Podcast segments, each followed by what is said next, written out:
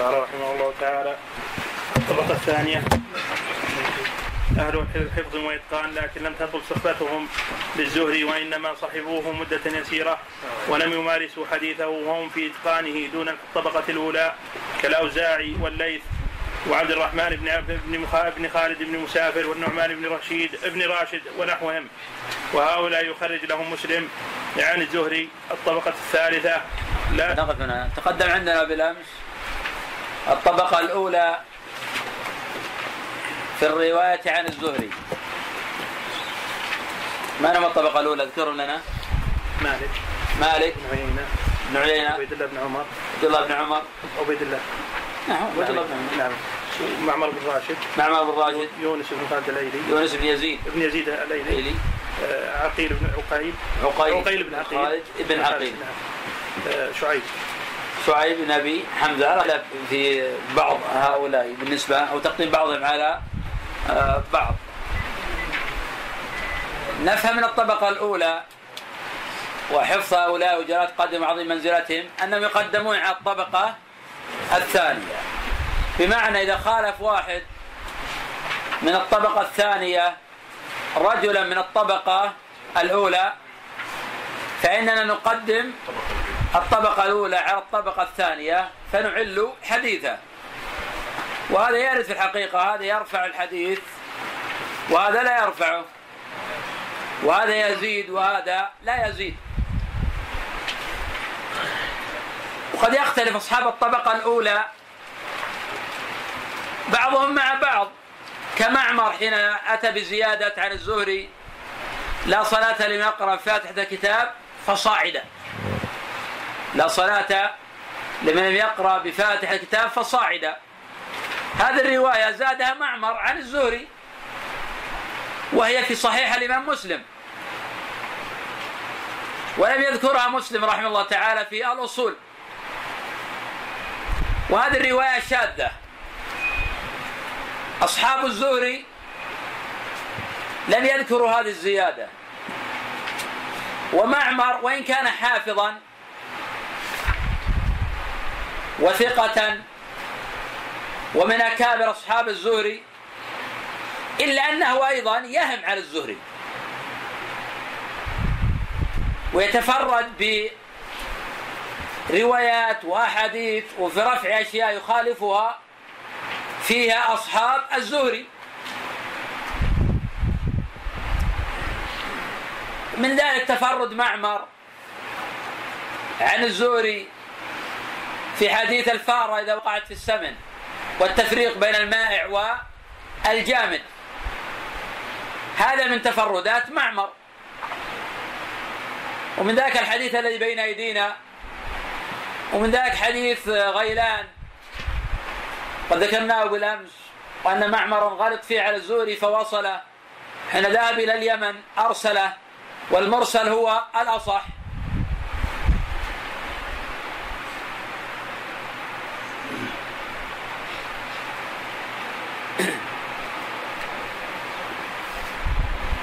ونستفيد أيضا من الطبقة الأولى.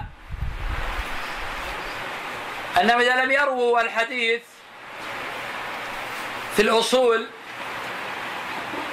فإننا نتثبت ونشدد في الطبقة الثانية حين يتفردون بأصل.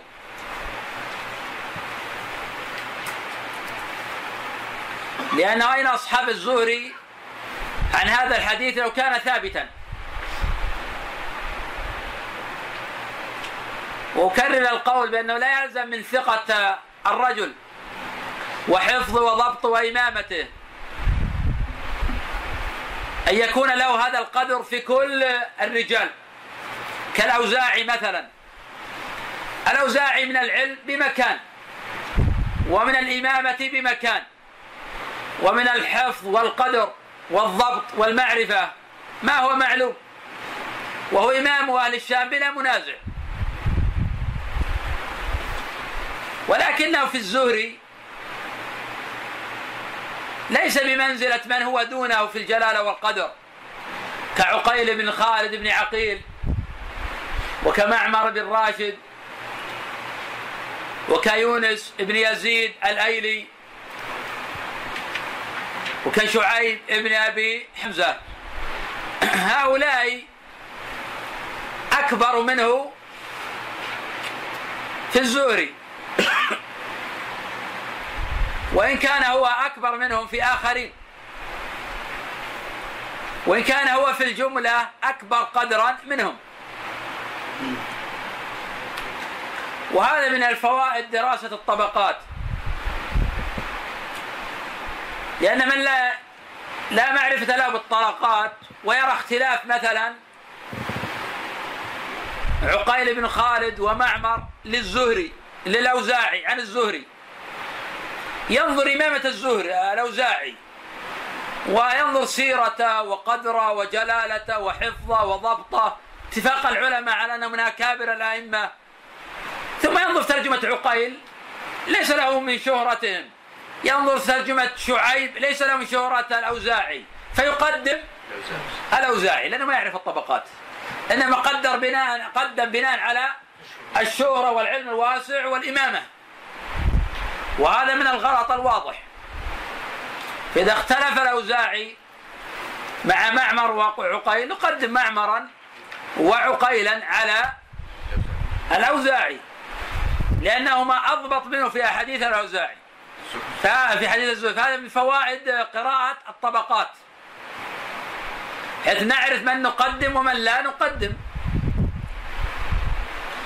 كذلك الطبقة الأولى من المهم بمكان أن نعرف مراتبهم ودرجاتهم. من حيث الجملة مالك وابن عيينة مقدمان على غيرهما في الزهري. وعبيد الله ويونس ويزيد وعقيل ومعمر متقاربون. وفي ذلك خلاف أيضا. ففي من قدم معمرا على غيره في الزهري. فمعرفة تفاوت هؤلاء من الأهمية بمكان حين الاختلاف. وفيما مضى شرحنا مسألة زيادة الثقة وقلنا يبنى في ذلك على القرائن. إذا اختلف الثقات بعضهم مع بعض وكانوا من القرب والضبط والعلم بالزهري بمكان نبني في ذلك على القرائن. دلت قرينة على ترجيح قول على قول أعملنا هذه القرينة.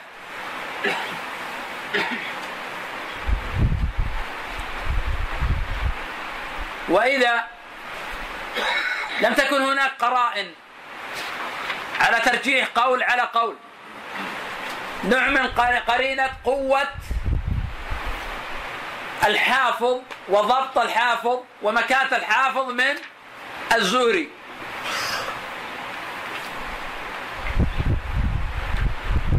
فإذا اختلف الزهري وابن عيينة في اختلف الأوزاعي وابن عيينة في الزهري نقدم ابن عيينة.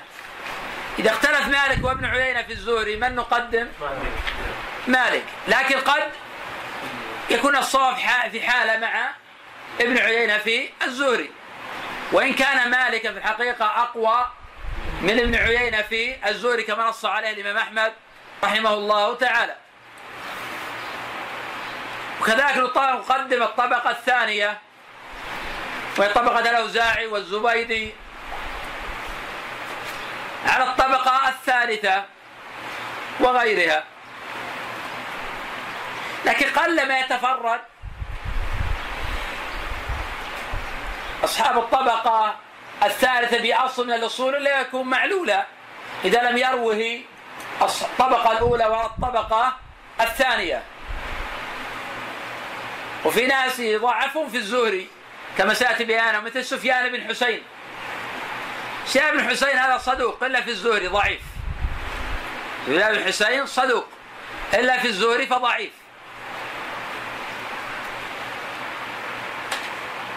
فمثل هذا يتفرد بشيء عن الزهري لا نقبله. نرد حديثه. من ذلك حديث المحلل في الفرس والسباق. هو من رواية سفيان بن حسين عن الزهري هذا الحديث لا نقبله. لأن سفيان بن حسين في الزهري سيء الحفظ. نعم. وهؤلاء يخرج لهم والطبقة الثالثة لازموا الزهري وصحبوه ورووا عنه ولكن تكلم ولكن تكلم في حفظهم كسفيان بن حسين ومحمد بن إسحاق وصالح بن أبي خالد الأخضر وزمعة بن صالح ونحوهم. وهؤلاء يخرج لهم أبو داود والترمذي والنسائي وقد يخرج لهم مسلم لهم لبعضهم متابعة. نعم لكن إذا روى عن الزهري ينبغي التثبت من رواياتهم. وإن كان ابن إسحاق أحسن حالا في الزهري من سفيان بن حسين ومن صالح وأمثال هذه الطبقة ومع هذا لمحمد بن إسحاق تفردات عن الزهري قد خالف في ذلك غيره من ذلك ما في البخاري معمر عن الزهري في حديث صلح الحديبية. روى هذا الحديث الإمام أحمد من طريق ابن إسحاق عن الزهري وزاد وعلى وضع الحرب عشر سنين. وذكر بعض الشروط. هذه الرواية معلولة. رواية وضع الحرب عشر سنين معلولة. لأن من رواية ابن إسحاق عن الزهري خرج ذلك الإمام أحمد في مسنده. بينما معمر في البخاري روى الحديث عن الزهري ولم يذكر وضع الحرب عشر سنين. ومعمر في الزهري وفي غير الزهري أوثق من ابن إسحاق. فنقدم رواية معمر على رواية ابن إسحاق ونعل رواية ابن إسحاق ونقول عنها شاذة والرواية فيها عشر سنين وبعض الشروط مذكورة في رواية ابن إسحاق لا نقبلها لمخالفته لرواية معمر. لأن الثقة يقدم على غيره. نعم. الطبقة الرابعة قوم رووا عن الزهري من غير ملازمة ولا طول صحبة ومع ذلك تكلم فيهم مثل إسحاق مثل إسحاق بن, يحيى الكلبي ومعاوية بن يحيى الصدفي وإسحاق بن أبي فروة وإبراهيم بن يزيد المكي والمثنى بن الصباح ونحوهم وهؤلاء قد يخرج الترمذي لبعضهم. ولكن هؤلاء ضعفاء في أنفسهم. بمعنى يروون عن الزهري أو عن غير الزهري. فيهم كلام. ولكن تكون روايتهم عن الزهري أشد ضعفا لسببين. الأمر الأول ما قيل فيه من الضعف. الأمر الثاني أين أصحاب الزهري عن هذه الروايات حتى يتفرد ويرويها أمثال المثنى بن الصباح الذي هو ضعيف في نفسه؟ المثنى بن الصباح يروي عن عمرو شعيب وعن غيره وهو ضعيف. إذا كان عن الزهري وعن مكثر وخالف الثقات كان أعظم ضعفا. ولذلك مما يستدل به على ضعف الراوي تفرد عن أقرانه بأشياء لا يرويها الأقران الحفاظ. هذا يستدل به على ضعف الراوي. فلو كانت هذه الرواية ثابتة وصحيحة لرواها الحفاظ. فلماذا يتفرد بها المثنى وأمثاله؟ فكانت هذه دلالة على ضعف المثنى. وأن يتفرد بأشياء عن الزهري لا يذكرها أصحابه الحفاظ الثقات. نعم. وهؤلاء قد يخرج الترمذي لبعضهم الطبقة الخامسة قوم من المتروكين والمجهولين كالحكم الأيلي وعبد القدوس بن حبيب ومحمد بن سعيد المقصلوب وبحر وبحر السقاء ونحوهم. ف... هؤلاء اللي ذكر متروكون. وليس لهم كبير رواية عن الزهري وإنما أشار إليهم الحافظ ليبين ضعفهم وترك الأئمة لهم. وإنما يوجد من رواياتهم وهي قليلة فهي متروكة. والمعول على النظر في الطبقة الأولى والطبقة الثانية والطبقة الثالثة. الطبقة الأولى هي الذروة في أصحاب الزوري. الطبقة الثانية ثقات حفاظ كالأوزاعي والزبيدي وامثال هؤلاء لكنهم دون الطبقة الأولى. الطبقة الثالثة فيهم صدق لكن تكلم في بعضهم عن الزوري. كسفيان بن حسين صالح بن أبي الأخضر محمد بن إسحاق وأمثال هؤلاء. فلا بد من معرفة الطبقات لنعرف كيف نتعامل. ابن إسحاق في الحقيقة أنه ليس بمقل عن الزهري. فدراسة مروياته من الأهمية بمكان. حتى تنظر هل تفرد عن أصحاب الطبقة الأولى أم لم يتفرد. لأن متى ما تفرد ابن إسحاق عن أصحاب الطبقة الأولى؟ كان للتفرد حكما. وأما إذا خالف أحد من أصحاب الطبقة الأولى كان لحديث حكم واحد وهو الرد. وأما التفرد فله حكمان قد نقبله قد لا نقبله. ولو لم يخالف أحدا. لأن ابن إسحاق إذا تفرد بأصل من الأصول فقد تكلم فيها الإمام أحمد في أحاديث الأحكام بخلاف أحاديث في السيرة. حين روى محمد بن إسحاق عن الزهري عن أنس بن مالك خطبة أبي بكر بعد بيعة السقيفة ابن إسحاق لم يخالف أحدا في هذه الخطبة. وقال أبو بكر في هذه الخطبة أيها الناس إني قد وليت عليكم ولست بخيركم. فإن استقمت فأعينوني وإن اعوججت فقوموني. الصدق أمانة والكذب خيانة والقوي فيكم عندي ضعيف حتى آخذ الحق منه إن شاء الله والضعيف عند فيكم عندي قوي حتى أرجع إلى الحق إن شاء الله تعالى. أطيعوني إذا أطعت الله فإذا عصيت الله فلا طاعة لي عليكم. هذا رجال ثقات. ومحمد بن إسحاق في هذا الموضع لم يخالف أحدا ولكنه تفرد. فهذا التفرد في مثل هذا لا يضر. وخاصة أن هذا في السيرة وابن إسحاق في السيرة أقوى منه في الحديث والأحكام. لكن لا نمتنع أن نقول عن هذا الإسناد بأنه صحيح. وأن ابن إسحاق قد ضبط عن الزهري.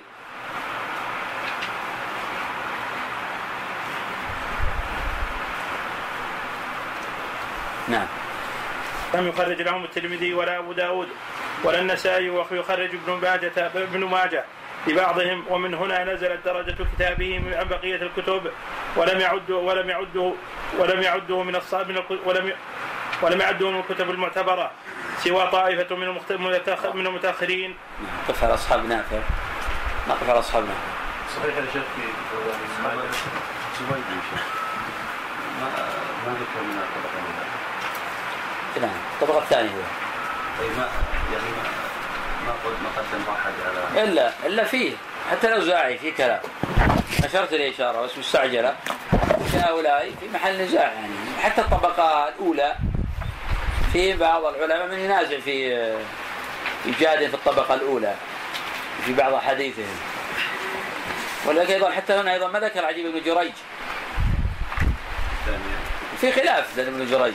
ابن جريج على الزهري قيل كتاب فهو محل تردد. هل يقبل أو ما يقبل؟ محل تردد في ابن جريج عن الزهري. لكنه نعم لا يعد في الطبقة الأولى. لا يعد في الطبقة الأولى يعني حتى ما قيل لا يعد في الطبقة الأولى. يعني ممكن نعد ابن إسحاق في جريج في الطبقة الثانية. الطبقة الثانية. أما الزبيدي نعم في من عد من الحفاظ لأحاديث لكن هذا ما يعتمد على مجرد الحفظ كما اشرت اليه فيما مضى انما يعتمد على الملازمة وعلى الكثرة. الزبيدي لم يكن له من الملازمة الكثرة مثل ما للطبقة على هذا وسر في جعله في الطبقة الثانية. ولا قد يكون له من الملازمة الكثرة ما يؤخر حتى على الطبقة الثانية لوجود كلام فيه كابن إسحاق. كابن إسحاق. لذلك جعل ابن إسحاق في الطبقة الثالثة. نعم. نعم فرودات الإيمان فردت ابن ماجه إذا كنت تقصد يتفرد لاصل تفرد هل نعل الحديث بأصل تفرد لا ما نعل الحديث بتفرده. ولكن عادة لا يتفرد ابن ماجه عن غيره. من اصحاب الكتب الستة ألا يكون له علة. ولكن في أحاديث تفرد به ابن ماجه وليست معلولة كحديث يدرس الإسلام. حديث قوي وعند ابن ماجه حديث حذيفة لكن عادة لا يتفرد بشيء لكن له علة. ليس لأجل ابن ماجه يتفرد لكن لأنه لا يتفرد إلا بما هو معلول. قال رحمه الله تعالى أصحاب نافع فمنهم ابن المديني قسمهم ابن المديني تسع طبقات تسع طبقات. الطبقة الأولى أيوب وعبيد الله بن بن عمر. بسم الله رب العالمين المؤلف يتحدث رحمه الله تعالى عن أصحاب نافع. ونافع هو أحد أوعية العلم وأهل الضبط والمعرفة والإتقان.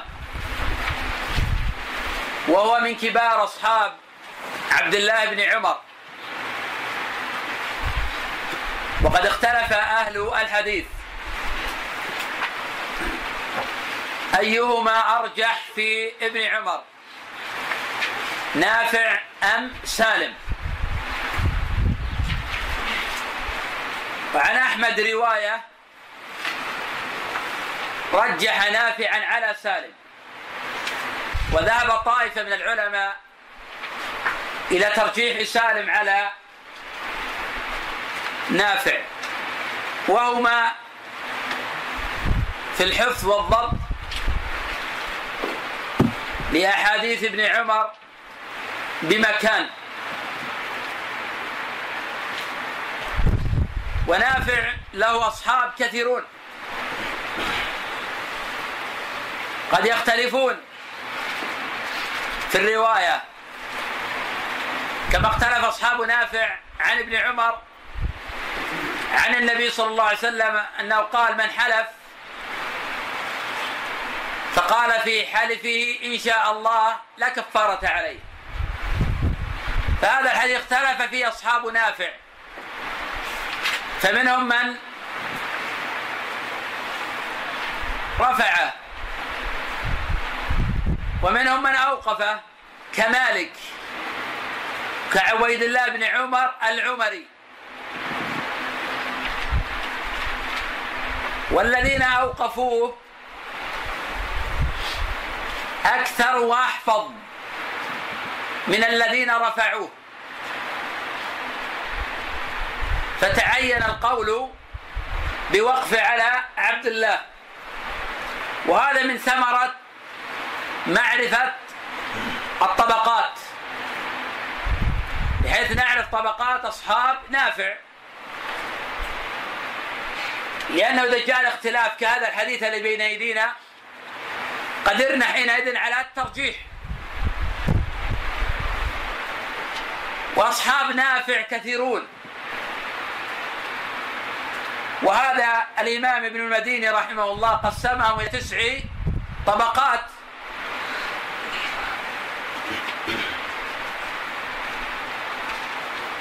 لكن أصحاب نافع الكبار هم مالك وأيوب وعبيد الله بن عمر العمري وعمر بن نافع وعبد الملك ابن عبد العزيز ابن جريج المعروف بابن جريج هؤلاء أصحاب نافع الكبار. وفي أئمة حفاظ كبار يروون عن نافع. لكنهم دون هؤلاء لقلة الملازمة لا لقلة حفظهم. نتحدث فيما مضى عن معنى الطبقة وأنه لا يعتمد على مجرد الإمامة. ذكرت مثلت ذلك بالأوزاعي في الزهري. فأين إمامة الأوزاعي؟ من إمامة عقيل بن خالد وعقيل بن خالد في الزهري أوثق من الأوزاعي. إذا الطبقة تعتمد على الضبط والحفظ والإكثار والملازمة. إذا لابد من أربعة شروط لنجعل هذا في الطبقة الأولى. الشرط الأول الحفظ والضبط. الشرط الثاني الإكثار. الشرط الثالث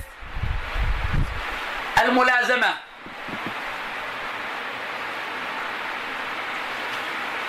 فإذا كان حافظا وضابطا ولم يكن ملازما. ما روى عنه الحديث والحديثين. هذا لا نجعله من أهل الطبقة الأولى كالمكثرين. ولكن نقدم المكثرين من أصحاب نافع على غير المكثرين. وهذا لا يمنع كما تقدم بالأمس شرحه الاختلاف في بعض الأشخاص. هل يكونون من الطبقة الأولى أو من الطبقة الثانية؟ كما اختلف العلماء في أبي معاوية مثلا محمد بن خازم الضرير في الأعمش. فعلي بن المدينة وجماعة يجعلون الطبقة الثالثة. في من جعل من الطبقة الأولى. لأن أبا معاوية كان مكثرا عن الأعمش. وقال غير واحد من الحفاظ بأنه من أوثق الناس في الأعمش.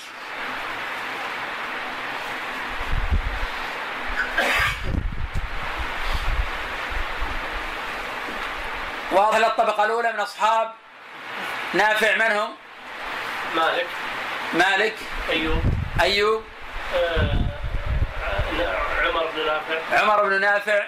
و عبيد الله بن عمر العمري. العمري.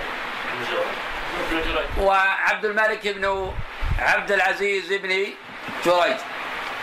وإن كان عندنا الإمام علي بن دينار رحمه الله تعالى ما صدر مع هؤلاء لكن لم يمكن ينكر على من جعل منهم ذلك.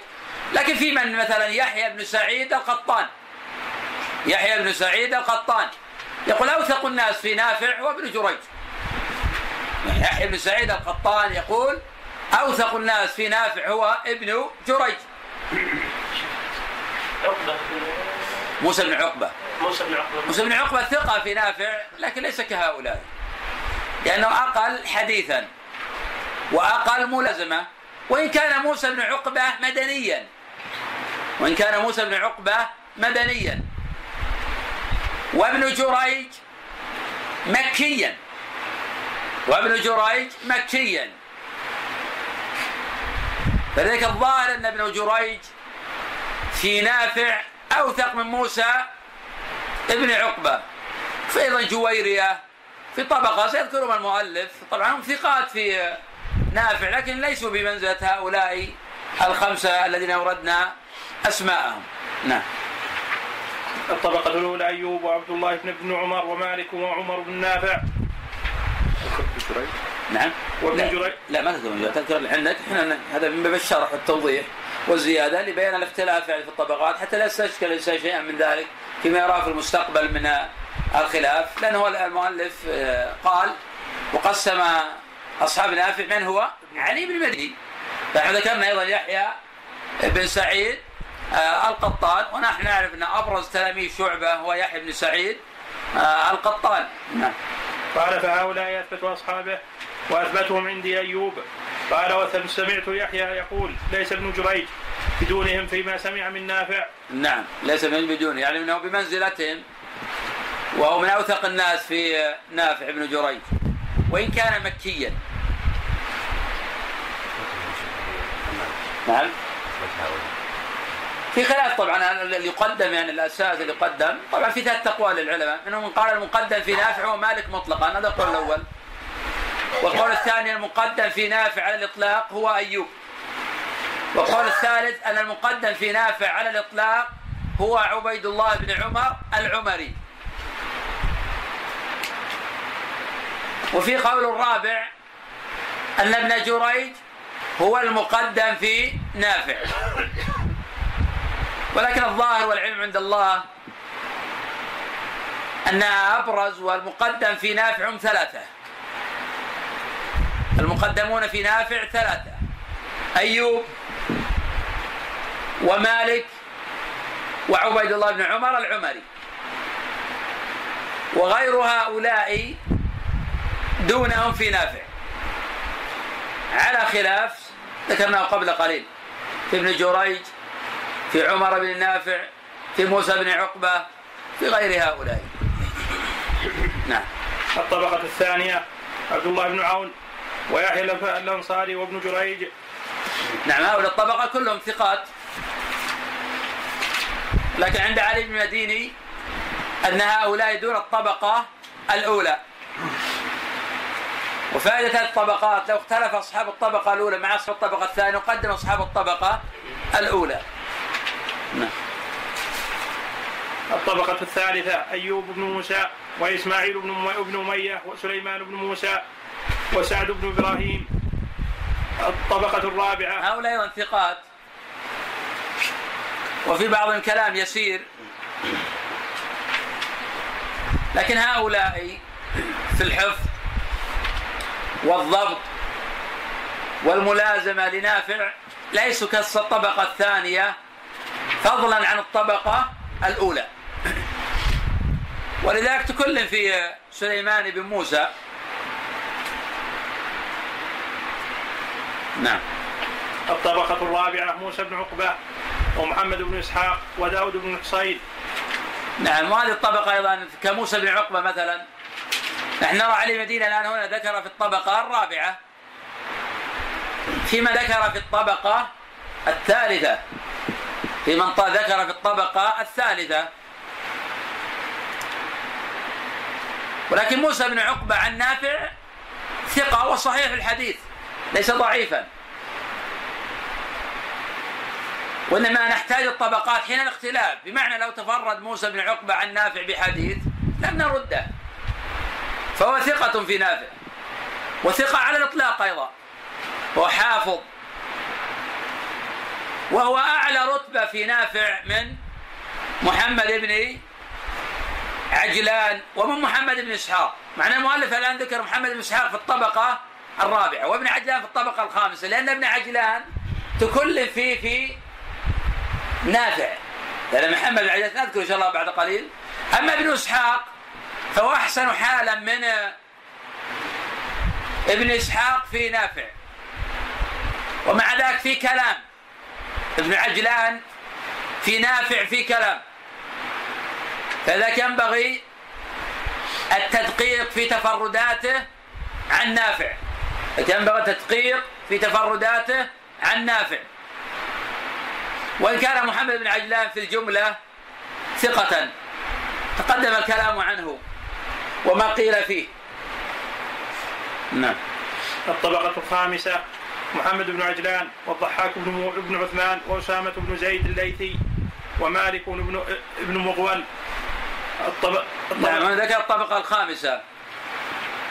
وقدم هنا محمد بن عجلان على ابن إسحاق. وابن إسحاق في نافع في كلام وابن عجلان في نافع في كلام وهذا لا يعني رد تفردات مطلقة. نعتبر في ذلك القرائن. نعتبر ذلك القرائن. لكن نشدد في تفردات هؤلاء. وسيأتي أيضا في كلام المؤلف في موضع آخر. الحديث عن ابن إسحاق والحديث عن ابن عجلان في نافع.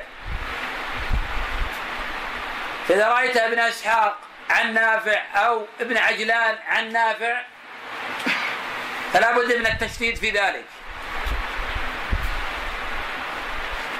وكثيرا ما يتفرد ابن عجلان عن نافع برواية شاذة وما يتفرد ابن إسحاق عن نافع برواية شاذة. ويخالف في ذلك من هو أوثق منه. نعم. الطبقة السادسة. نعم وابن عجلان في الخامسة العكس. ربما انعكس في كلامي قبل قليل. صواب ابن إسحاق في الرابعة وابن عجلان في الخامسة.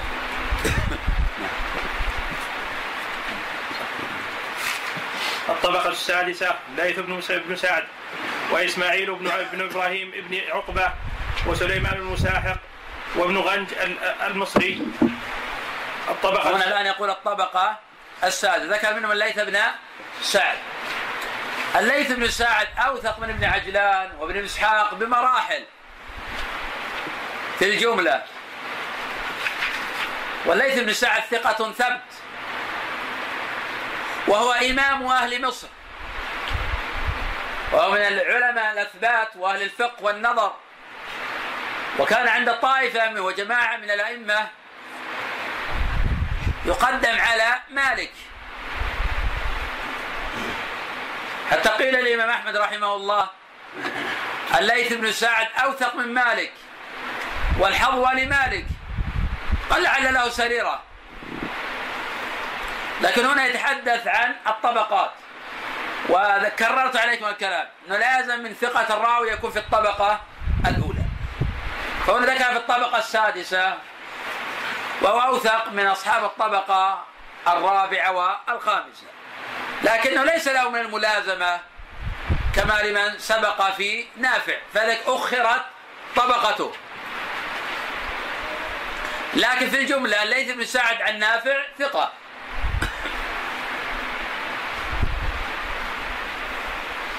نعم. يختلف الليث بن سعد بن عجلان مثلا لا نبني على القرائن ما نقدم مطلقا. بمعنى الاخ يقول لو اختلف مثلا ابن إسحاق اللي هو في الطبقة الرابعة أو ابن عجلان في الطبقة الخامسة مع الليث بن سعد الذي في الطبقة السادسة هل يعني نقدم ابن إسحاق اللي هو في الطبقة الرابعة أو ابن عجلان في الطبقة الخامسة؟ الجواب لا. وأنا ننظر في القرائن. ولكن لا يأتي شخص يرجح يقول الليث بن سعد أوثق. فيبني على هذه الطريقة. هذه الطريقة مغلوطة في هذه الجوانب. إنما نقول هو أوثق إذا كانوا في رتبة واحدة في الحفظ والضبط والإتقان في هذا الراوي. بمعنى لا تنظر إلى الشكل العام والثقة المطلقة. إنما نحن نتكلم على الطبقات ما نتكلم على هذا أوثق من هذا. نحن نتكلم على أصحاب نافع. ما نتكلم على أيهما أوثق. لا, لا ينازع أحد من العلماء. لأن ليث بن سعد أوثق من ابن إسحاق. وأن ليث بن سعد أوثق من ابن آه عجلان. إنما نتكلم بل, بل قد لا قد لا نقول أيضا في الجملة آه في الطبقة الأولى عمر بن نافع. في نظري أن ليث بن سعد في الجملة أوثق من عمر بن نافع. في الطبقة الأولى وفي السادسة. لكن في نافع لا. في نافع لا. لابد من هذا التفصيل والتدرج في أصحاب هذا آه المحدث. فبالتالي ما يمكن نقول مطلقا إنه ابن عجلان اوثق حتى في نافع نبني على القرائن ويحفه في آه الحديث. طبعا في اختلافات كثيرة كقضية ولا تنتقم المرأة. هل هذا موقوف أم هذا آه مرفوع؟ في خلاف قوي. البخاري رجح رفعه مع الذي رفعه العجيب الليث بن سعد جويرية موسى ابن عقبة. والذين أوقفوه مالك وعبيد الله. لا تنتقم المرأة المحرمة. الذي رفعوه الليث بن سعد. موسى بن عقبة جويرية ليس من الطبقة الأولى ولا من الثانية. والذين أوقفوا على ابن عمر مالك وعبيد الله وآخرون من الثقات. ومع هذا البخاري ذهب إلى رفعه وأورده في صحيحه. بينما مالك في الموطأ أورد الموقوف ولم يذكره مرفوعا. بينما مالك في الموطأ أورد الموقوف ولم يذكره مرفوعا. ويرى مالك أن لفظة ولا تنتقب المرأة المحرمة أنه من كلام ابن عمر وليس من كلام النبي صلى الله عليه وسلم. ويرى البخاري أنه من كلام النبي صلى الله عليه وسلم. الحقيقة حين نطبق هذه القواعد نذهب إلى ما ذهب إليه مالك. لأنه لا يمكن أن نضع الليث بن سعد وموسى بن عقبة وجوير بن أسماء ومن وافقهم. في من رفع الحديث في مصاف مالك وعبيد الله عن نافع. هذا في بعد. ولكن قد يمنع من ذلك مانع وهو ترجيح البخاري رحمه الله. فكأن البخاري رجح بالكثرة. فكأن البخاري رجح بالكثرة ولم يرجح بالحفظ والإتقان والضبط عن نافع. والبخاري بنى على القرائن ونحن نعرف أن أعمال القرائن أمر ضروري في هذا العلم وهو علم العلل وعلم الترجيح.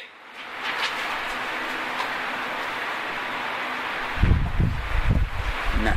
الطبقة السابعة عبد الرحمن بن ابن السراج وسعيد بن عبد الله بن عبد الله بن حرب وسلمة بن عقل بن علقمة وعلي بن الحكم والوليد بن أبي هشام. الطبق الطبقة الثامنة أبو هؤلاء المطالعة الطبقة الثامنة السابعة والثامنة مقلون جدا. مقلون جدا. فلذلك ذكرهم ممن لا يروي إلا الحديث والحديثين.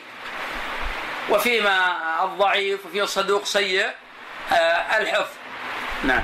الطبقة الثامنة أبو بكر بن نافع ابن نافع وخليفة بن غلاب و- و- ويونس بن يزيد وجويرية وجويرية بن أسماء وعبد العزيز بن أبي رواد ومحمد بن ثابت العبدي وأبو علقمة الفروي وعطاف بن خالد وعبد الله بن عمر.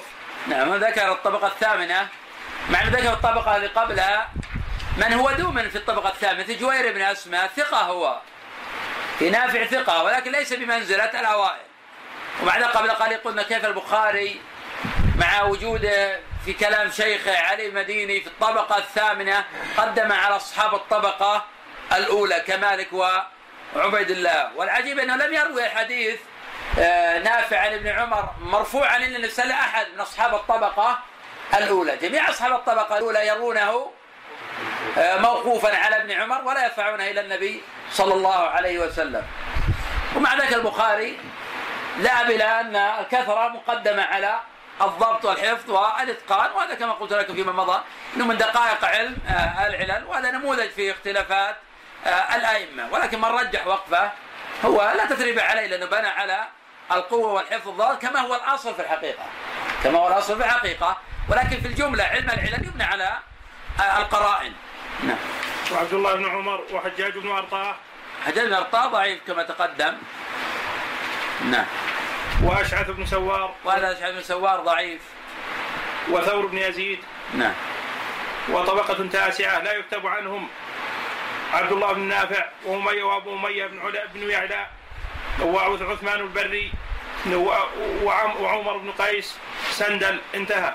وقد خولف في بعض هذا الترتيب. فقد خولف في بعض الترتيب. نكمل غدا إن شاء الله تعالى الحديث عن طبقات أصحاب آه، نافع نعم. علق علق عليها؟ عندك علق عليها. قال نعم. معروف عمر بن قيس سندل بس إيه، علق على في نسخة ولا لا لا. عمر بن قيس المعروف بسندل نعم. اللي سدل ولا علق عليه ما في تعليق. معروف في الحقيقة سندل ما في نسخة ولا شيء خلاص يعتبر سندل بسم الله الرحمن الرحيم. الحمد لله رب العالمين والصلاة والسلام على نبينا محمد وعلى آله وصحبه أجمعين. وقد خولف في بعض هذا الترتيب فمن, فمن ذلك تقديم سليمان بن موسى.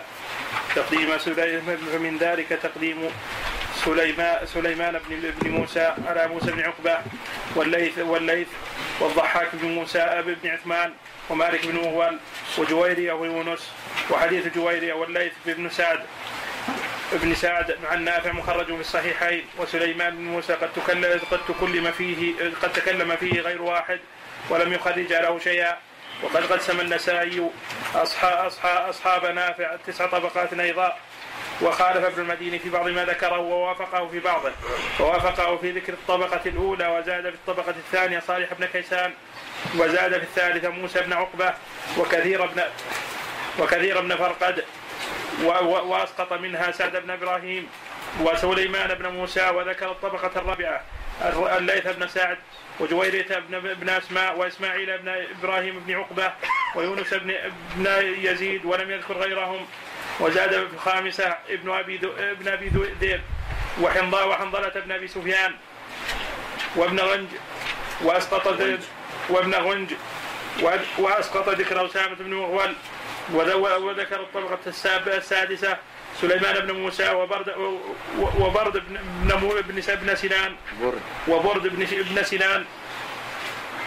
وهشام بن ابن الغاز وابن أبي رواد وزاد في السابعه عبيد الله عبيد الله بن الاخنس وأسقط منها سعيدا وعل- وعلي بن الحكم وقال الطبقة الثامنة عمر بن ابن محمد بن ابن م- زيد وأسامة بن زيد ومحمد بن إسحاق وصخر بن الجويرية وهمام بن بن يحيى وهشام بن سعد قال والتاسع الضعفاء عبد الكريم عبد الكريم عبد الكريم بن أبي آه، أمية عبد الكريم عبد الكريم أبي أمية عبد الكريم بن أبي أمية. أبو. نعم. في أبو كل الطبعات عندكم أبو. نسبة الثنية يا شيخ. نعم. نسبة الثنية عبد الكريم أبي أمية. ما في مانع. عموما جايز ما في شيء. تفضل. عبد عبد الكريم عبد الكريم أب- أبي أمية. ول- وليث بن وليث بن أبي سليم. والحجاج بن ابطاه وأحد أشعث بن سوار. وعبد الله بن عمر وذكر طبقة عاشرة وقال هم متروك حديثهم إسحاق بن ابن أبي فروة وعبد الله بن نافع وعمر بن قيس ونجيح بن أبو معشر وعثمان البري وأبو أمية بن يعلى ومحمد بن عبد الرحمن بن مجبر بن مجبر وعبد وعبد العزيز بن بن عبيد الله. تقدم عندنا أن علي بن مديني رحمه الله تعالى قسمها الطبقات إلى ثمان مغايرة أو إلى تسع مغايرة لتقسيم النسائي وتقدم أن الطبقة تبنى على عدة أمور. الأمر الأول الحفظ والضبط الأمر الثاني الملازمة الأمر الثالث الإكثار. وعلى على هذا تقسم الطبقات. فإن الرجل قد يكون ثقة إماما ثبتا ولم يروي عن شيخ إلا حديثا واحدا فلا يمكن هذا أن تجعلها في الطبقة الأولى ولا في الثانية في من له أصحاب مكثرون عنه. وقلنا أيضا فيما مضى من القواعد في هذا أنه لا يلزم من ثقة الراوي أن يكون مقدما في كل شيوخه قد يقدم عليه من هو دونه. من أهل الاختصاص بشيخه. في بعض الاختلافات بين تقسيم علي بن مديني وبين تقسيم النسائي. وهي من حيث التقديم والتأخير الخلاف واضح. من حيث الثقة وما يتعلق بذلك. قد لا يختلفون في بعض الرواة. فهم لا يختلفون في ثقة الليث بن سعد. هذا مجمع عليه. ولكن يختلفون في نافع من أي الطبقات هو. يختلفون في جويرية ابن أسماء في أي طبقة. وفي موسى ابن عقبة في أي طبقة. كما تقدم أيضا عندنا بالأمس خلاف يحيى بن سعيد القطان مع علي بن مديني في مسألة ابن جريج. هل نجعل ابن جريج من الطبقة الأولى؟ أم أنه دون الطبقة الأولى الذي قلنا هم أبرز أصحاب نافع هم عبيد الله بن عمر العمري وأيوب ومالك وعمر بن نافع وابن جريج على الصحيح. ابن جريج في نافع ثقة. بخلاف ابن جريج في الزهري مثلا. فقد قال جماعة من العلماء هو كتاب. وتكلم جماعة من الأئمة في ابن جريج عن الزهري. لكنه في نافع ثقة ثبت. بل ذهب بعض العلماء إلى أن أوثق الناس في نافع هو ابن جريج. تقدم عندنا قيل أيضا مالك وقيل عبيد الله وقيل أيوب. هذه أربعة أقوال. وذكرنا بالأمس الفائدة من معرفة الطبقات. ذكرنا بعض الفوائد والأحاديث للترجيح. ذكرنا حديثا بالأمس اختلف فيه أصحاب نافع. من حلف من يذكره يعيد كان ذكرناه بالأمس. فقال في حلفه إن شاء الله لم يحنث. نعم. عطنا إذا كنت تحفظ الطرق لا ما حفظت ما حضرت شيخ. ذكرنا أمس طرق هذا الحديث وعلته ورجحنا الوقف. لكن لماذا رجحنا الوقف بالأمس؟ رجح الوقت لكثرة أصحابنا من هو اللي رواه موقوفا من اللي رواه مرفوعا؟ الذي رواه مرفوع ذكر البخاري أنه مرفوع في أن مالك وأيوب. لا ذاك تعني الحديث ولا تلتقي بالمرأة محرمة. نعم. مالك وعبيد أوقفاه من اللي رفعه؟ لكن جيد صحيح. مالك وعبد الله قد أيوب هو الذي رفع نعم ومالك وعبد الله قد أوقفاه وغيرهم أيضا. ايهما ارجح؟ الوقف؟ الوقف ارجح طيب كلفناك بالأمس؟ في مسألة تلتقي المرأة المحرمة. اعطنا ما بحث. هو الحديث في البخاري اقرأ علينا. اقرأ حتى يستفيد الإخوان جميعا. بسم الله والصلاة والسلام على رسول الله. حديث أخرجه ابن عمر. من حديث أخرجه البخاري من حديث ابن عمر عن مالك عن نافع عن ابن عمر. كم حديث ابن عمر عن مالك. كيف هكذا؟ مالك عن نافع عن ابن عمر. مالك عن نافع عن ابن عمر. وأيضا ما تابع تفرد به البخاري هذا التخريج؟ لم لم نعم هذه هذه اللفظة تفرد بها البخاري. ما هي؟ لفظة ولا تنقوا المحرمة اي لكن مرفوعا عندك وموقوفا. نعم رواه مرفوعا الليث بن سعد عن نافع. لحظة لحظة. الآن ما استفاد الأخوان شيئا. أنت عطنا الموقوف ميز الموقوف ميز من المرفوع. مالك لا روى موقوفا ولا مرفوعا مالك؟ مالك رواه مرفوعا. لا. مالك رواه موقوفا. موقوفا نعم. مالك رواه موقوفا. أنا رتبت الذين وقفوه. طيب عطنا اللي وقف أزين نحن نقول قلنا لا تنتقل المرأة المحرمة. قلنا الحديث مداره على نافع عن ابن عمر وروى عن نافع جمع. أعطنا اللي وقفوه وأعطنا حتى تتضح الصورة. الذين وقفوه هو مالك. مالك. وتابعه كذلك أيوب وفي الطبقة الأولى. وكذلك تابعه على هذه الرواية عبيد الله بن عمر واختلف فيه. فرواه موسى بن عقبة. آه، رواه يحيى بن اليمان عن الثوري عن موسى بن عقبة عن نافع عن ابن عمر. موسى بن عقبة تابع مالك في الوقف. ورجح الدار قطني وقفه في رواية في رواية موسى بن عقبة. وتابع أيضا محمد بن إسحاق. روى الحديث الحرشي عن حماد بن زيد عن محمد بن إسحاق موقوفا ورجح الدار مرفوعا ولكن غلطه الدار قطني. قال الراجح عن موسى بن عقبة وكذلك محمد بن إسحاق الوقف. وممن تابع مالك أيضا عمر بن صهبان وهو في الطبقة الثامنة وهو ضعيف. وممن تابع مالك أيضا ليس بن أبي سليم وهو في الطبقة الثالثة. قال بأن الحديث موقوف. والدار قطني بالعموم يرجح أن المروي عن ابن عمر هو الوقف. هذا هو الصحيح وممن تابعوا على هذا من المتأخرين؟ عطنا الآن الرواية أما الذي رواه مرفوعا هو- ليس بن سعد عن نافع عن ابن عمر. وتابعوا على هذه الرواية جويرية بن أسماء وهو في الطبقة السابعة. وكذلك تابعه محمد بن إسحاق. على الخلاف عنه. نعم, نعم. وأختلف عنه رفعا ووقفا وكذلك تابعه عبيد الله بن عمر. على الخلاف عنه. وأختلف عنه. وإن كان الأكثر أنه آه، ذهب إلى الوقف. نعم. وكذلك تابعه موسى بن عقبة. وأختلف عليه نعم. أيضا. والذي ومن الذين تابعوا ولم يختلف عليهم إبراهيم بن سعيد المديني. وكذلك إسماعيل بن إبراهيم بن عقبة. نعم. يعني تلخص عندنا حديث ابن عمر. قلنا أن النبي صلى الله عليه وسلم قال ولا تنتقل المرأة المحرمة. أن مدار الحديث على نافع عن ابن عمر. وحين ننظر إلى أكابر أصحاب نافع وهم مالك وأيوب وعبيد الله بن عمر العمري. هؤلاء يرون الحديث موقوفا.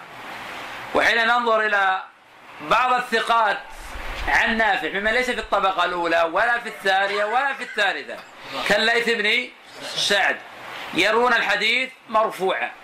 الليث بن سعد لم يتفرد برفعه. تابع موسى بن عقبة على أحد القولين عنه ابن إسحاق على أحد القولين عنه جويرية ابن أسماء علقه البخاري في صحيحه. حين ذكر متابعة موسى بن عقبة ذا- تابع ذكر متابعة آه، جويرية ذكرها البخاري رحمه الله تعالى في صحيحه. البخاري رحمه الله تعالى آه، أورد هذا الحديث في صحيحه. وواضح من منهج البخاري أنه يراه مرفوعا بدليل أنه لما ذكر رواية الليث موصولة قال وتابعه موسى بن عقبة وجويرية ابن أسماء. والبخاري لم تخفى عليه رواية مالك هي موجودة عنده وعند مسلم. وهي الرواية المشهورة. وكذلك عند مالك في الموطأ عن نافع عن ابن عمر موقوفة. لكن المرفوع عند البخاري مالك عن نافع عن عمر في نفس الحديث لا يلبس المحرم كذا وكذا لم يذكر رواية لا تنتقب في أيضا هنا قرينة على قوة الوقف أن من رواه عن مالك فصل اللفظين. فصل اللفظين. يعني يفصل المرفوع عن الموقوف. هذه قرينة قوية على الوقف. لأن من فصل معه زيادة علم معه زيادة علم. ومن القرائن قلنا آه، الضبط. الضبط عن آه، نافع. فننظر أصحاب الطبقة الأولى اللي هم الثلاثي مالك وعبيد الله وأيوب يرونه آه، موقوفا. هذه كل قرائن تقوي الوقف. لكن في قرائن أخرى تقوي الرفع. هذه القرائن أيضا فيها الاختلاف على عبيد الله. نحن نعرف أن عبيد الله من الثقات في نافع من أصحاب الطبقة الأولى. ولكن عبيد الله اختلف عنه آه، في ذلك. ومن القرائن أن البخاري رحمه الله صحح الخبر. ولا ريب أن تصحيح البخاري للخبر يقوي الخبر. خاصة البخاري رحمه الله تعالى أورده في صحيحه وأشار لتقويته بالمتابعات. نعم. الترمذي أيضا صح الزياده إيه بالنسبة للإمام الترمذي لكن الإشكال على الرواة. نتكلم عن الرواة يعني. كيف رجحنا هذا على هذا؟ نتكلم عن القرائن نعم. أقول يا شيخ لا تنتقل المرأة فقط أو لا تلبس الخفين زي ما عايش يعني كذا كل اللفظين. حتى الكثرة مع الذين هم. نعم. حتى الكثرة. مع لا في جامع ما ذكره الأخ جمع كثير لكنه ليس من الطبقة الأولى والثانية ولا الثالثة أشار إليه البخاري رحمه الله تعالى. طريقة البحث مر بالطريقة أن تذكر آه، الطريق ثم تذكر المختلفين عليه تقول رواه عنه مرفوعا فلان وفلان وفلان وفلان. ثم تذكرهم جميعا. ثم تقول رواه موقوفا عن نافع فلان وفلان وفلان حتى يحصل حصر دقيق لمن روى مرفوعا ومرفوعا. وإذا ذكر فلان مثلا وعبد الله اختلف عليه في ذلك. ثم في الثانية ومن روى عبد الله اختلف عليه في ذلك حتى يحصل ضبط دقيق للمسألة. الحديث في الصحيحين بلا شك. أصل الحديث من عن طريق مالك عن نافع لم يختلف على مالك فيه. ولم يختلف على أيوب فيه. نعم. والله القول بالوقف قوي جدا لسببين. أن أقوى من يروي عن نافع أوقف وأنهم فصلوا الفصل هذا له معنى عظيم عند المحدثين. كون الراوي يذكر مرفوع ثم بعد ذلك يقول ورواه موقوفا. هذا واضح عنده ضبط ودقة في الضبط. مثل مسألة ما شرحنا لكم في أكثر من درس. مسألة من سلك الجادة ومسألة من لم يسلك الجادة. وأن من لم يسلك الجادة هذا معه زيادة علم ولو كان غير ضابط ما سلك الجادة كغيره. معروف أنه هشام بن عروة عن أبي عن عائشة. يأتي شخص يقول هشام بن عروة عن أبي عن النبي صلى الله عليه وسلم يسقط عائشة هذا معه زيادة علم ولم يسلك الجادة أما العادة سؤال ابن أبي صالح عن ابي عن أبي عن أبي الرحمن عن ابي عن أبي هريرة عن النبي صلى الله عليه وسلم. هذا سلك الجاده يأتي شخص يقول لا. هذا الحديث عن عن ابي عن النبي صلى الله عليه وسلم يذكر ابا هريرة. هذا معه زيادة علم ومعه زيادة ضبط. هذا قد نقدمه على من سلك الجاده فهنا في الحقيقة قرائن كثيرة تقوي الوقف. ولكن لا شك أن تصحيح البخاري له معنى آخر. الله أعلم بذلك. نعم. نعم. هذه مسألة فقهية نحن نتكلم عن مسألة حديثية. يعني إذا أردنا نقرر مسألة فقهية قد نأخذ به ما يعني عدم العمل به؟ نحن نتحدث على المسائل الفقهية. قد يكون الحديث أيضا ضعيفا ونأخذ به من باب القياس أو من باب قول الصاحب أو من باب معان أخرى. لكن فقط نحن نتكلم على الطبقات. نريد أن نعرف متى نقبل هذه الطبقة ومتى لا نقبل هذه الطبقة ومن نقدم ومن لا نقدم. وأنا ذكرت هذا بالأمس مثالا على مسألة أنه قد يخالف أصحاب الطبقة الرابعة أو الخامسة أو السادسة. الطبقة الأولى ويوجد خلاف لقرائن قد تحف بالحديث. وكان هذا المثال على هذه المسألة. وأما اختلاف أصحاب الطبقة الأولى ذكرته بالأمس في مسألة حديث من حلف فقال في حلفه إن شاء الله لم يحنث اللي اختلف في هذا الحديث أصحاب الطبقة آه، الأولى وهم مالك وعبد الله وأيوب. وقدمنا في هذا الحديث مالكا وعبيد الله على آه، أيوب. لأن هذا قول أيضا أكابر آه، الأئمة. نعم. يعني القبول لا ما هو باكثر الذي أيضا اوقفوه جمع والذي رفعوه جمع في الحقيقة لكنهم ليسوا بحجم هؤلاء. إي نعم. فيهم ضعفاء. نعم. أصحاب الأعمش قال النسائي هم سبع طبقات الأولى يحيى بن القطان والثوري وشعبة الثانية زائدة وابن أبي زائدة وحفص بن غياث الثالثة أبو معاوية وجوير وجرير بن عبد الرحمن عبد عبد الحميد وأبو عوانة. وأبو عوانة. وأبو عوانة. وضاح بن عبد الله الاشكري نعم.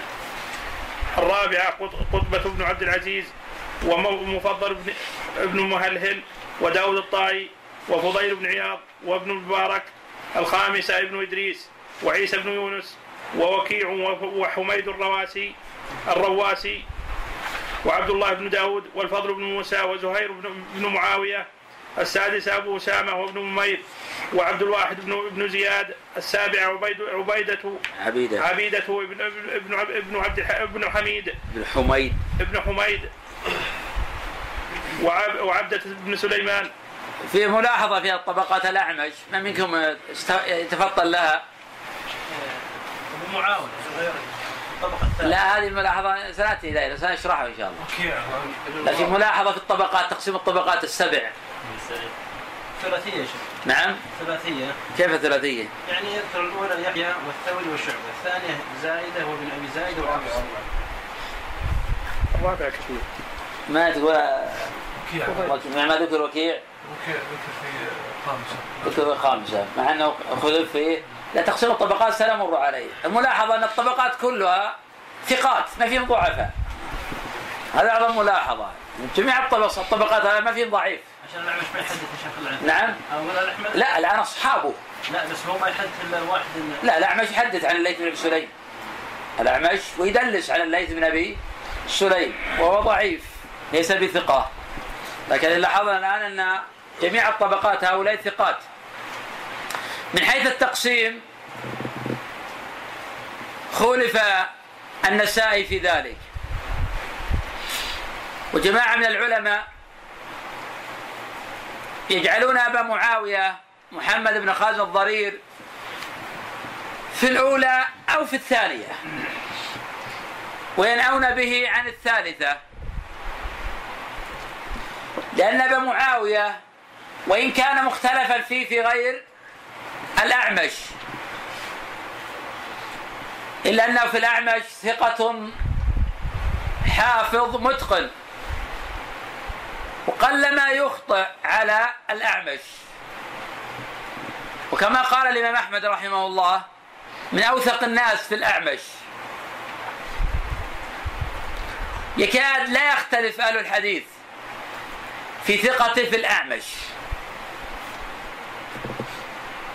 ولكن هذا لا يعني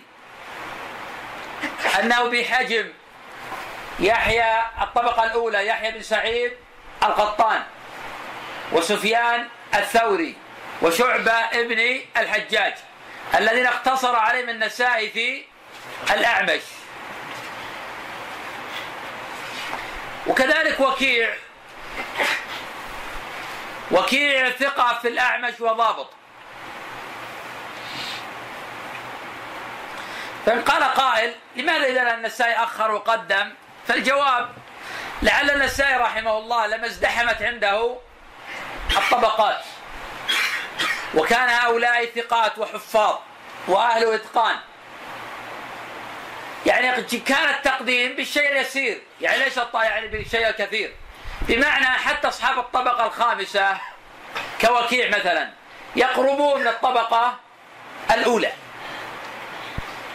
ولكن أراد أن يقدم بعض هؤلاء على بعض لأنه لا بد من تقديم آه، بعضهم على بعض. وإن كان التقديم في الشيء اليسير.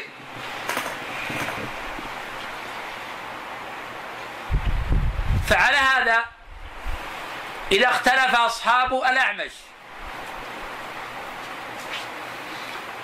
فالمقدمون فيه ثلاثة شعبة ويحيى بن سعيد القطان وسفيان الثوري. وإذا اختلف هؤلاء الثلاثة مع وكيع وأبي معاوية وزائدة وأمثال هؤلاء نقدم الطبقة الأولى. ولكن إذا دلت قرينة على تقديم من ذكرنا على الطبقة الأولى نقدم ونعمل القرينة. ولا مانع من ذلك.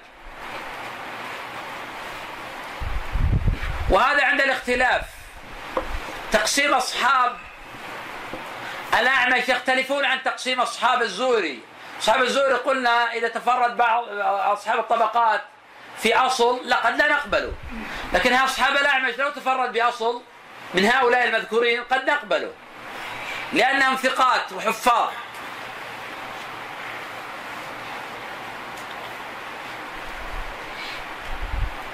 نعم من عندنا فوائد في تقسيم أصحاب طبقات الأعمش. أولا الأعمش ما اسمه؟ ما اسمه؟ ما اسم الأعمش. الأعمش ما اسمه؟ إحنا أخذنا الأعمش ونحن ما نعرف اسمه. ولماذا قيل له الأعمش؟ وهل اسمه آه، الأعمش؟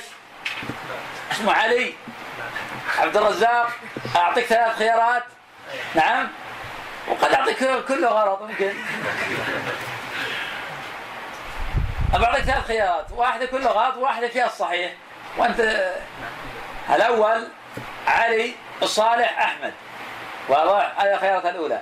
الثانية سليمان وعبد الرزاق وعاصم.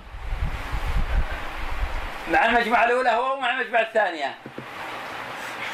المجموعة الثانية المجموعة الثانية؟ أكيد. جيد. من هو؟ مع سليمان وعبد الرزاق وعاصم. عاصم. عاصم عبد الرزاق سليمان بن مهران الأعمش. متى ولد؟ متى ولد؟ الأعمش. نعم. متى ولد الأعمش؟ شو اسمك؟ محمد بن جعفر. متى ولد الأعمش؟ نعم.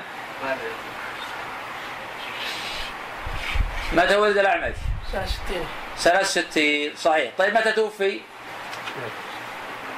نعم. تعرف ولادته؟ لم تعرف وفاته. صحيح. أصبر خلينا نشوف الأخوان. وين الأخوان الآخرين؟ لا ننظر. متى ولد الأعمش؟ متى ولد توفي الأعمش؟ نعم؟ متى توفي الأعمش؟ يقول 150 صح عليه ولا لا؟ غلط؟ نعم غلط اصبر خل... نعم. متى توفي؟ أنت شو اسمك؟ محمد محمد أمين؟ نعم 119 119 لا وين قص يعني كم عاش؟ آه. انتقل ذهنك لشيء آخر. هل يشوف الأخوان اللي يدرون. نعم ناصر. 143 143 أكيد. 148 ما عرضه كلام عشان مقارب مقارب بين قولك وبين قوله أنت تقول إنه قريب من 150 لكن أنا اذكر انك سجلت. أنت تقول 148 طيب وهذا يقول 143 يلا. حراج؟ يلا. 147 أقل ثالث 47 48 48 هذا قول الاكثر الأشهر. يعني هذا الأشهر. صحيح. يستاهل يا شيخ. نعم. ويستاهل. يلا فوائد. آه، إحنا أخذنا الأعمش الآن أخذنا مولدة واخذنا وفاته واخذنا اسمه ولماذا قيل له الأعمش؟ لعمش عينيه جيد. نريد يا إخوان يلا بسرعة خمسة من مشايخ الأعمش. أنت أخذ الحين ناخذ تلاميذ نحن الطبقات. نريد خمسة من مشايخ الأعمش. أنت بعيد كنت ما شفناك كنا نسألك. نستفتح بك واحدة من مشايخ الأعمش. أبو إسحاق السبيعي. نعم. أبو إسحاق السبيعي. أو من اقرانه أو من اصاغ الشيوخ. نعم. أو من اصاغ الشيوخ. نعم صحيح. واحد أعطانا واحد يقول أبو إسحاق السبيعي. نعم. صالح. نعم. أبو صالح السمان صحيح. أبو رزين. أبو رزين ثلاثة. عن أبي هريرة يروي الأعمش. أبو هريرة إحنا قلنا الاعمش ولد سنه 60 وابو هريرة متى توفي؟ لحظة. هذا شوف عشان يفهم. درس درس تعليم. ما هو بدرس إحراج لا. آه، الشيء اللي يلقي عن سؤال وعن ذا توضيح ترسخ في الذهن. أبو هريرة توفي سنة 58 يعني روى عنه بعدما ولد. توفي قبل سنتين. اتضح لا ما روى عنه. نعم. نعم. الزهري؟ لا. مشايخ الأعمى إحنا نريد إحنا مشايخ الأعمش. الزهد أكيد. إن شاء الله. تحفظ حديثا في ذلك؟ نعم. صحيح. نعم. مسروق. مسروق صحيح. النخعي إبراهيم النخعي. قريب النخعي صحيح. ليس ابن أبي سليم كويس صحيح كل هؤلاء مشايخ الأعمش. يلا نريد فوائد على الطبقات أيضا. أنا أخذنا بعض شيوخه واخذنا طبقات تلاميذه واخذنا مولده واخذنا وفاته. يبدأ الاعمش هذا درجته في العلم. درجته في الحديث. ثقة حد. ثقة ثبت في كل الرجال في كل الناس. من دار عليه الحديث ما تدور عليه حديث أهل الإسلام. هذا صحيح. يعني الستة اللي ذكرهم علي بن مديني. أذكر لنا الستة اللي ذكرهم علي بن مديني. حفيظ أذكر لنا الستة اللي ذكرهم علي بن مديني تدور عليهم حديث أهل الإسلام. الزهري في المدينة. الزهري في المدينة وعمرو بن دينار في مكة. وقتادة في البصرة. وأبو إسحاق في الكوفة. ويحيى بن كثير في اليمن. بن كثير في الأعمش ما هو؟ أكيد. كوف طيب درجة الأعمش؟ أنت صبت يعني كل اللي قلت تمام. ثقة جيد. اتهم بشيء هو وصل بالتدليس. ما المقصود بهذا التدليس؟ ما المقصود بهذا؟ يعني بمعنى إذا قيل إنه مدلس هل نرد عن عنته شعبة يقول كفيتكم تدليس ثلاثة. من هم الثلاثة؟ قتادة وأبو إسحاق السبيعي والأعمش. يعني هذا إذا عن عن الأعمش نرد حديثه؟ لا فصل. شعبة له رواية يقول كفيتكم تدليس ثلاثة. وفي رواية يقول كفيتكم تدليس كل ذي تدليس. يقول إذا روى عن هؤلاء لأنه كان يتتبع أحاديثهم التي يصرحون فيها بلفظ سمعت والأحاديث التي لا يصرحون فيها يقولون عن أو قال بعد ذلك يتأكد منه. هل سمعتم هذا الحديث؟ يصرحون على أنه سمع. إن لم يسمعوا لا لا يكتبون يعني لو جاءنا حديث عن الأعمش يقول الأعمش عن مسروق الأعمش عن أبي صالح نرد حديثه؟ إذا كان من طريق شعبة نضمن الت- التدليس. وإذا كان من غير من غير طريق شعبة؟ لا نضمن التدليس يعني لا نقبله. صح عليه؟ بالنسبة إذا كان مكثر كأبي صالح عن أبي هريرة. لا دعنا. نبي الاعمش الان كلام غير صحيح. نعم. تفصيل يعني إذا كان مكثر كما درج عليه الص- الصحيحين البخاري ومسلم من طريق أبي صالح آه، عن أبي هريرة. لكن الاعمش هل هو يكثر التدليس عن أحد؟ نعم. لا هو مدلس يا شيخ لكن موصوف بالتدليس ولكن ليس بمكثر. نعم ليس مطلقا ليس بمكثر مطلقا. فعلى هذا نقبل عن عنته مطلقا؟ آه، تقبل إلا إذا كان عن راو غير مشهور بالرواية عنه ويعني يكون هناك قرينة. إذا قرينة ما عندنا إشكال. إذا قرينة أو دلت ما عندنا. الحافظ العراقي في في في في ألفية ذكر ال- قال وفي الصحيح عدة كالأعمش.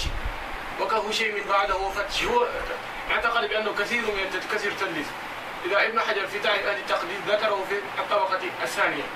لكن بعض المعاصرين خالفوه. قالوا هذا الأعمش يكثر من التدليس وليس يكثر من التدليس فقط.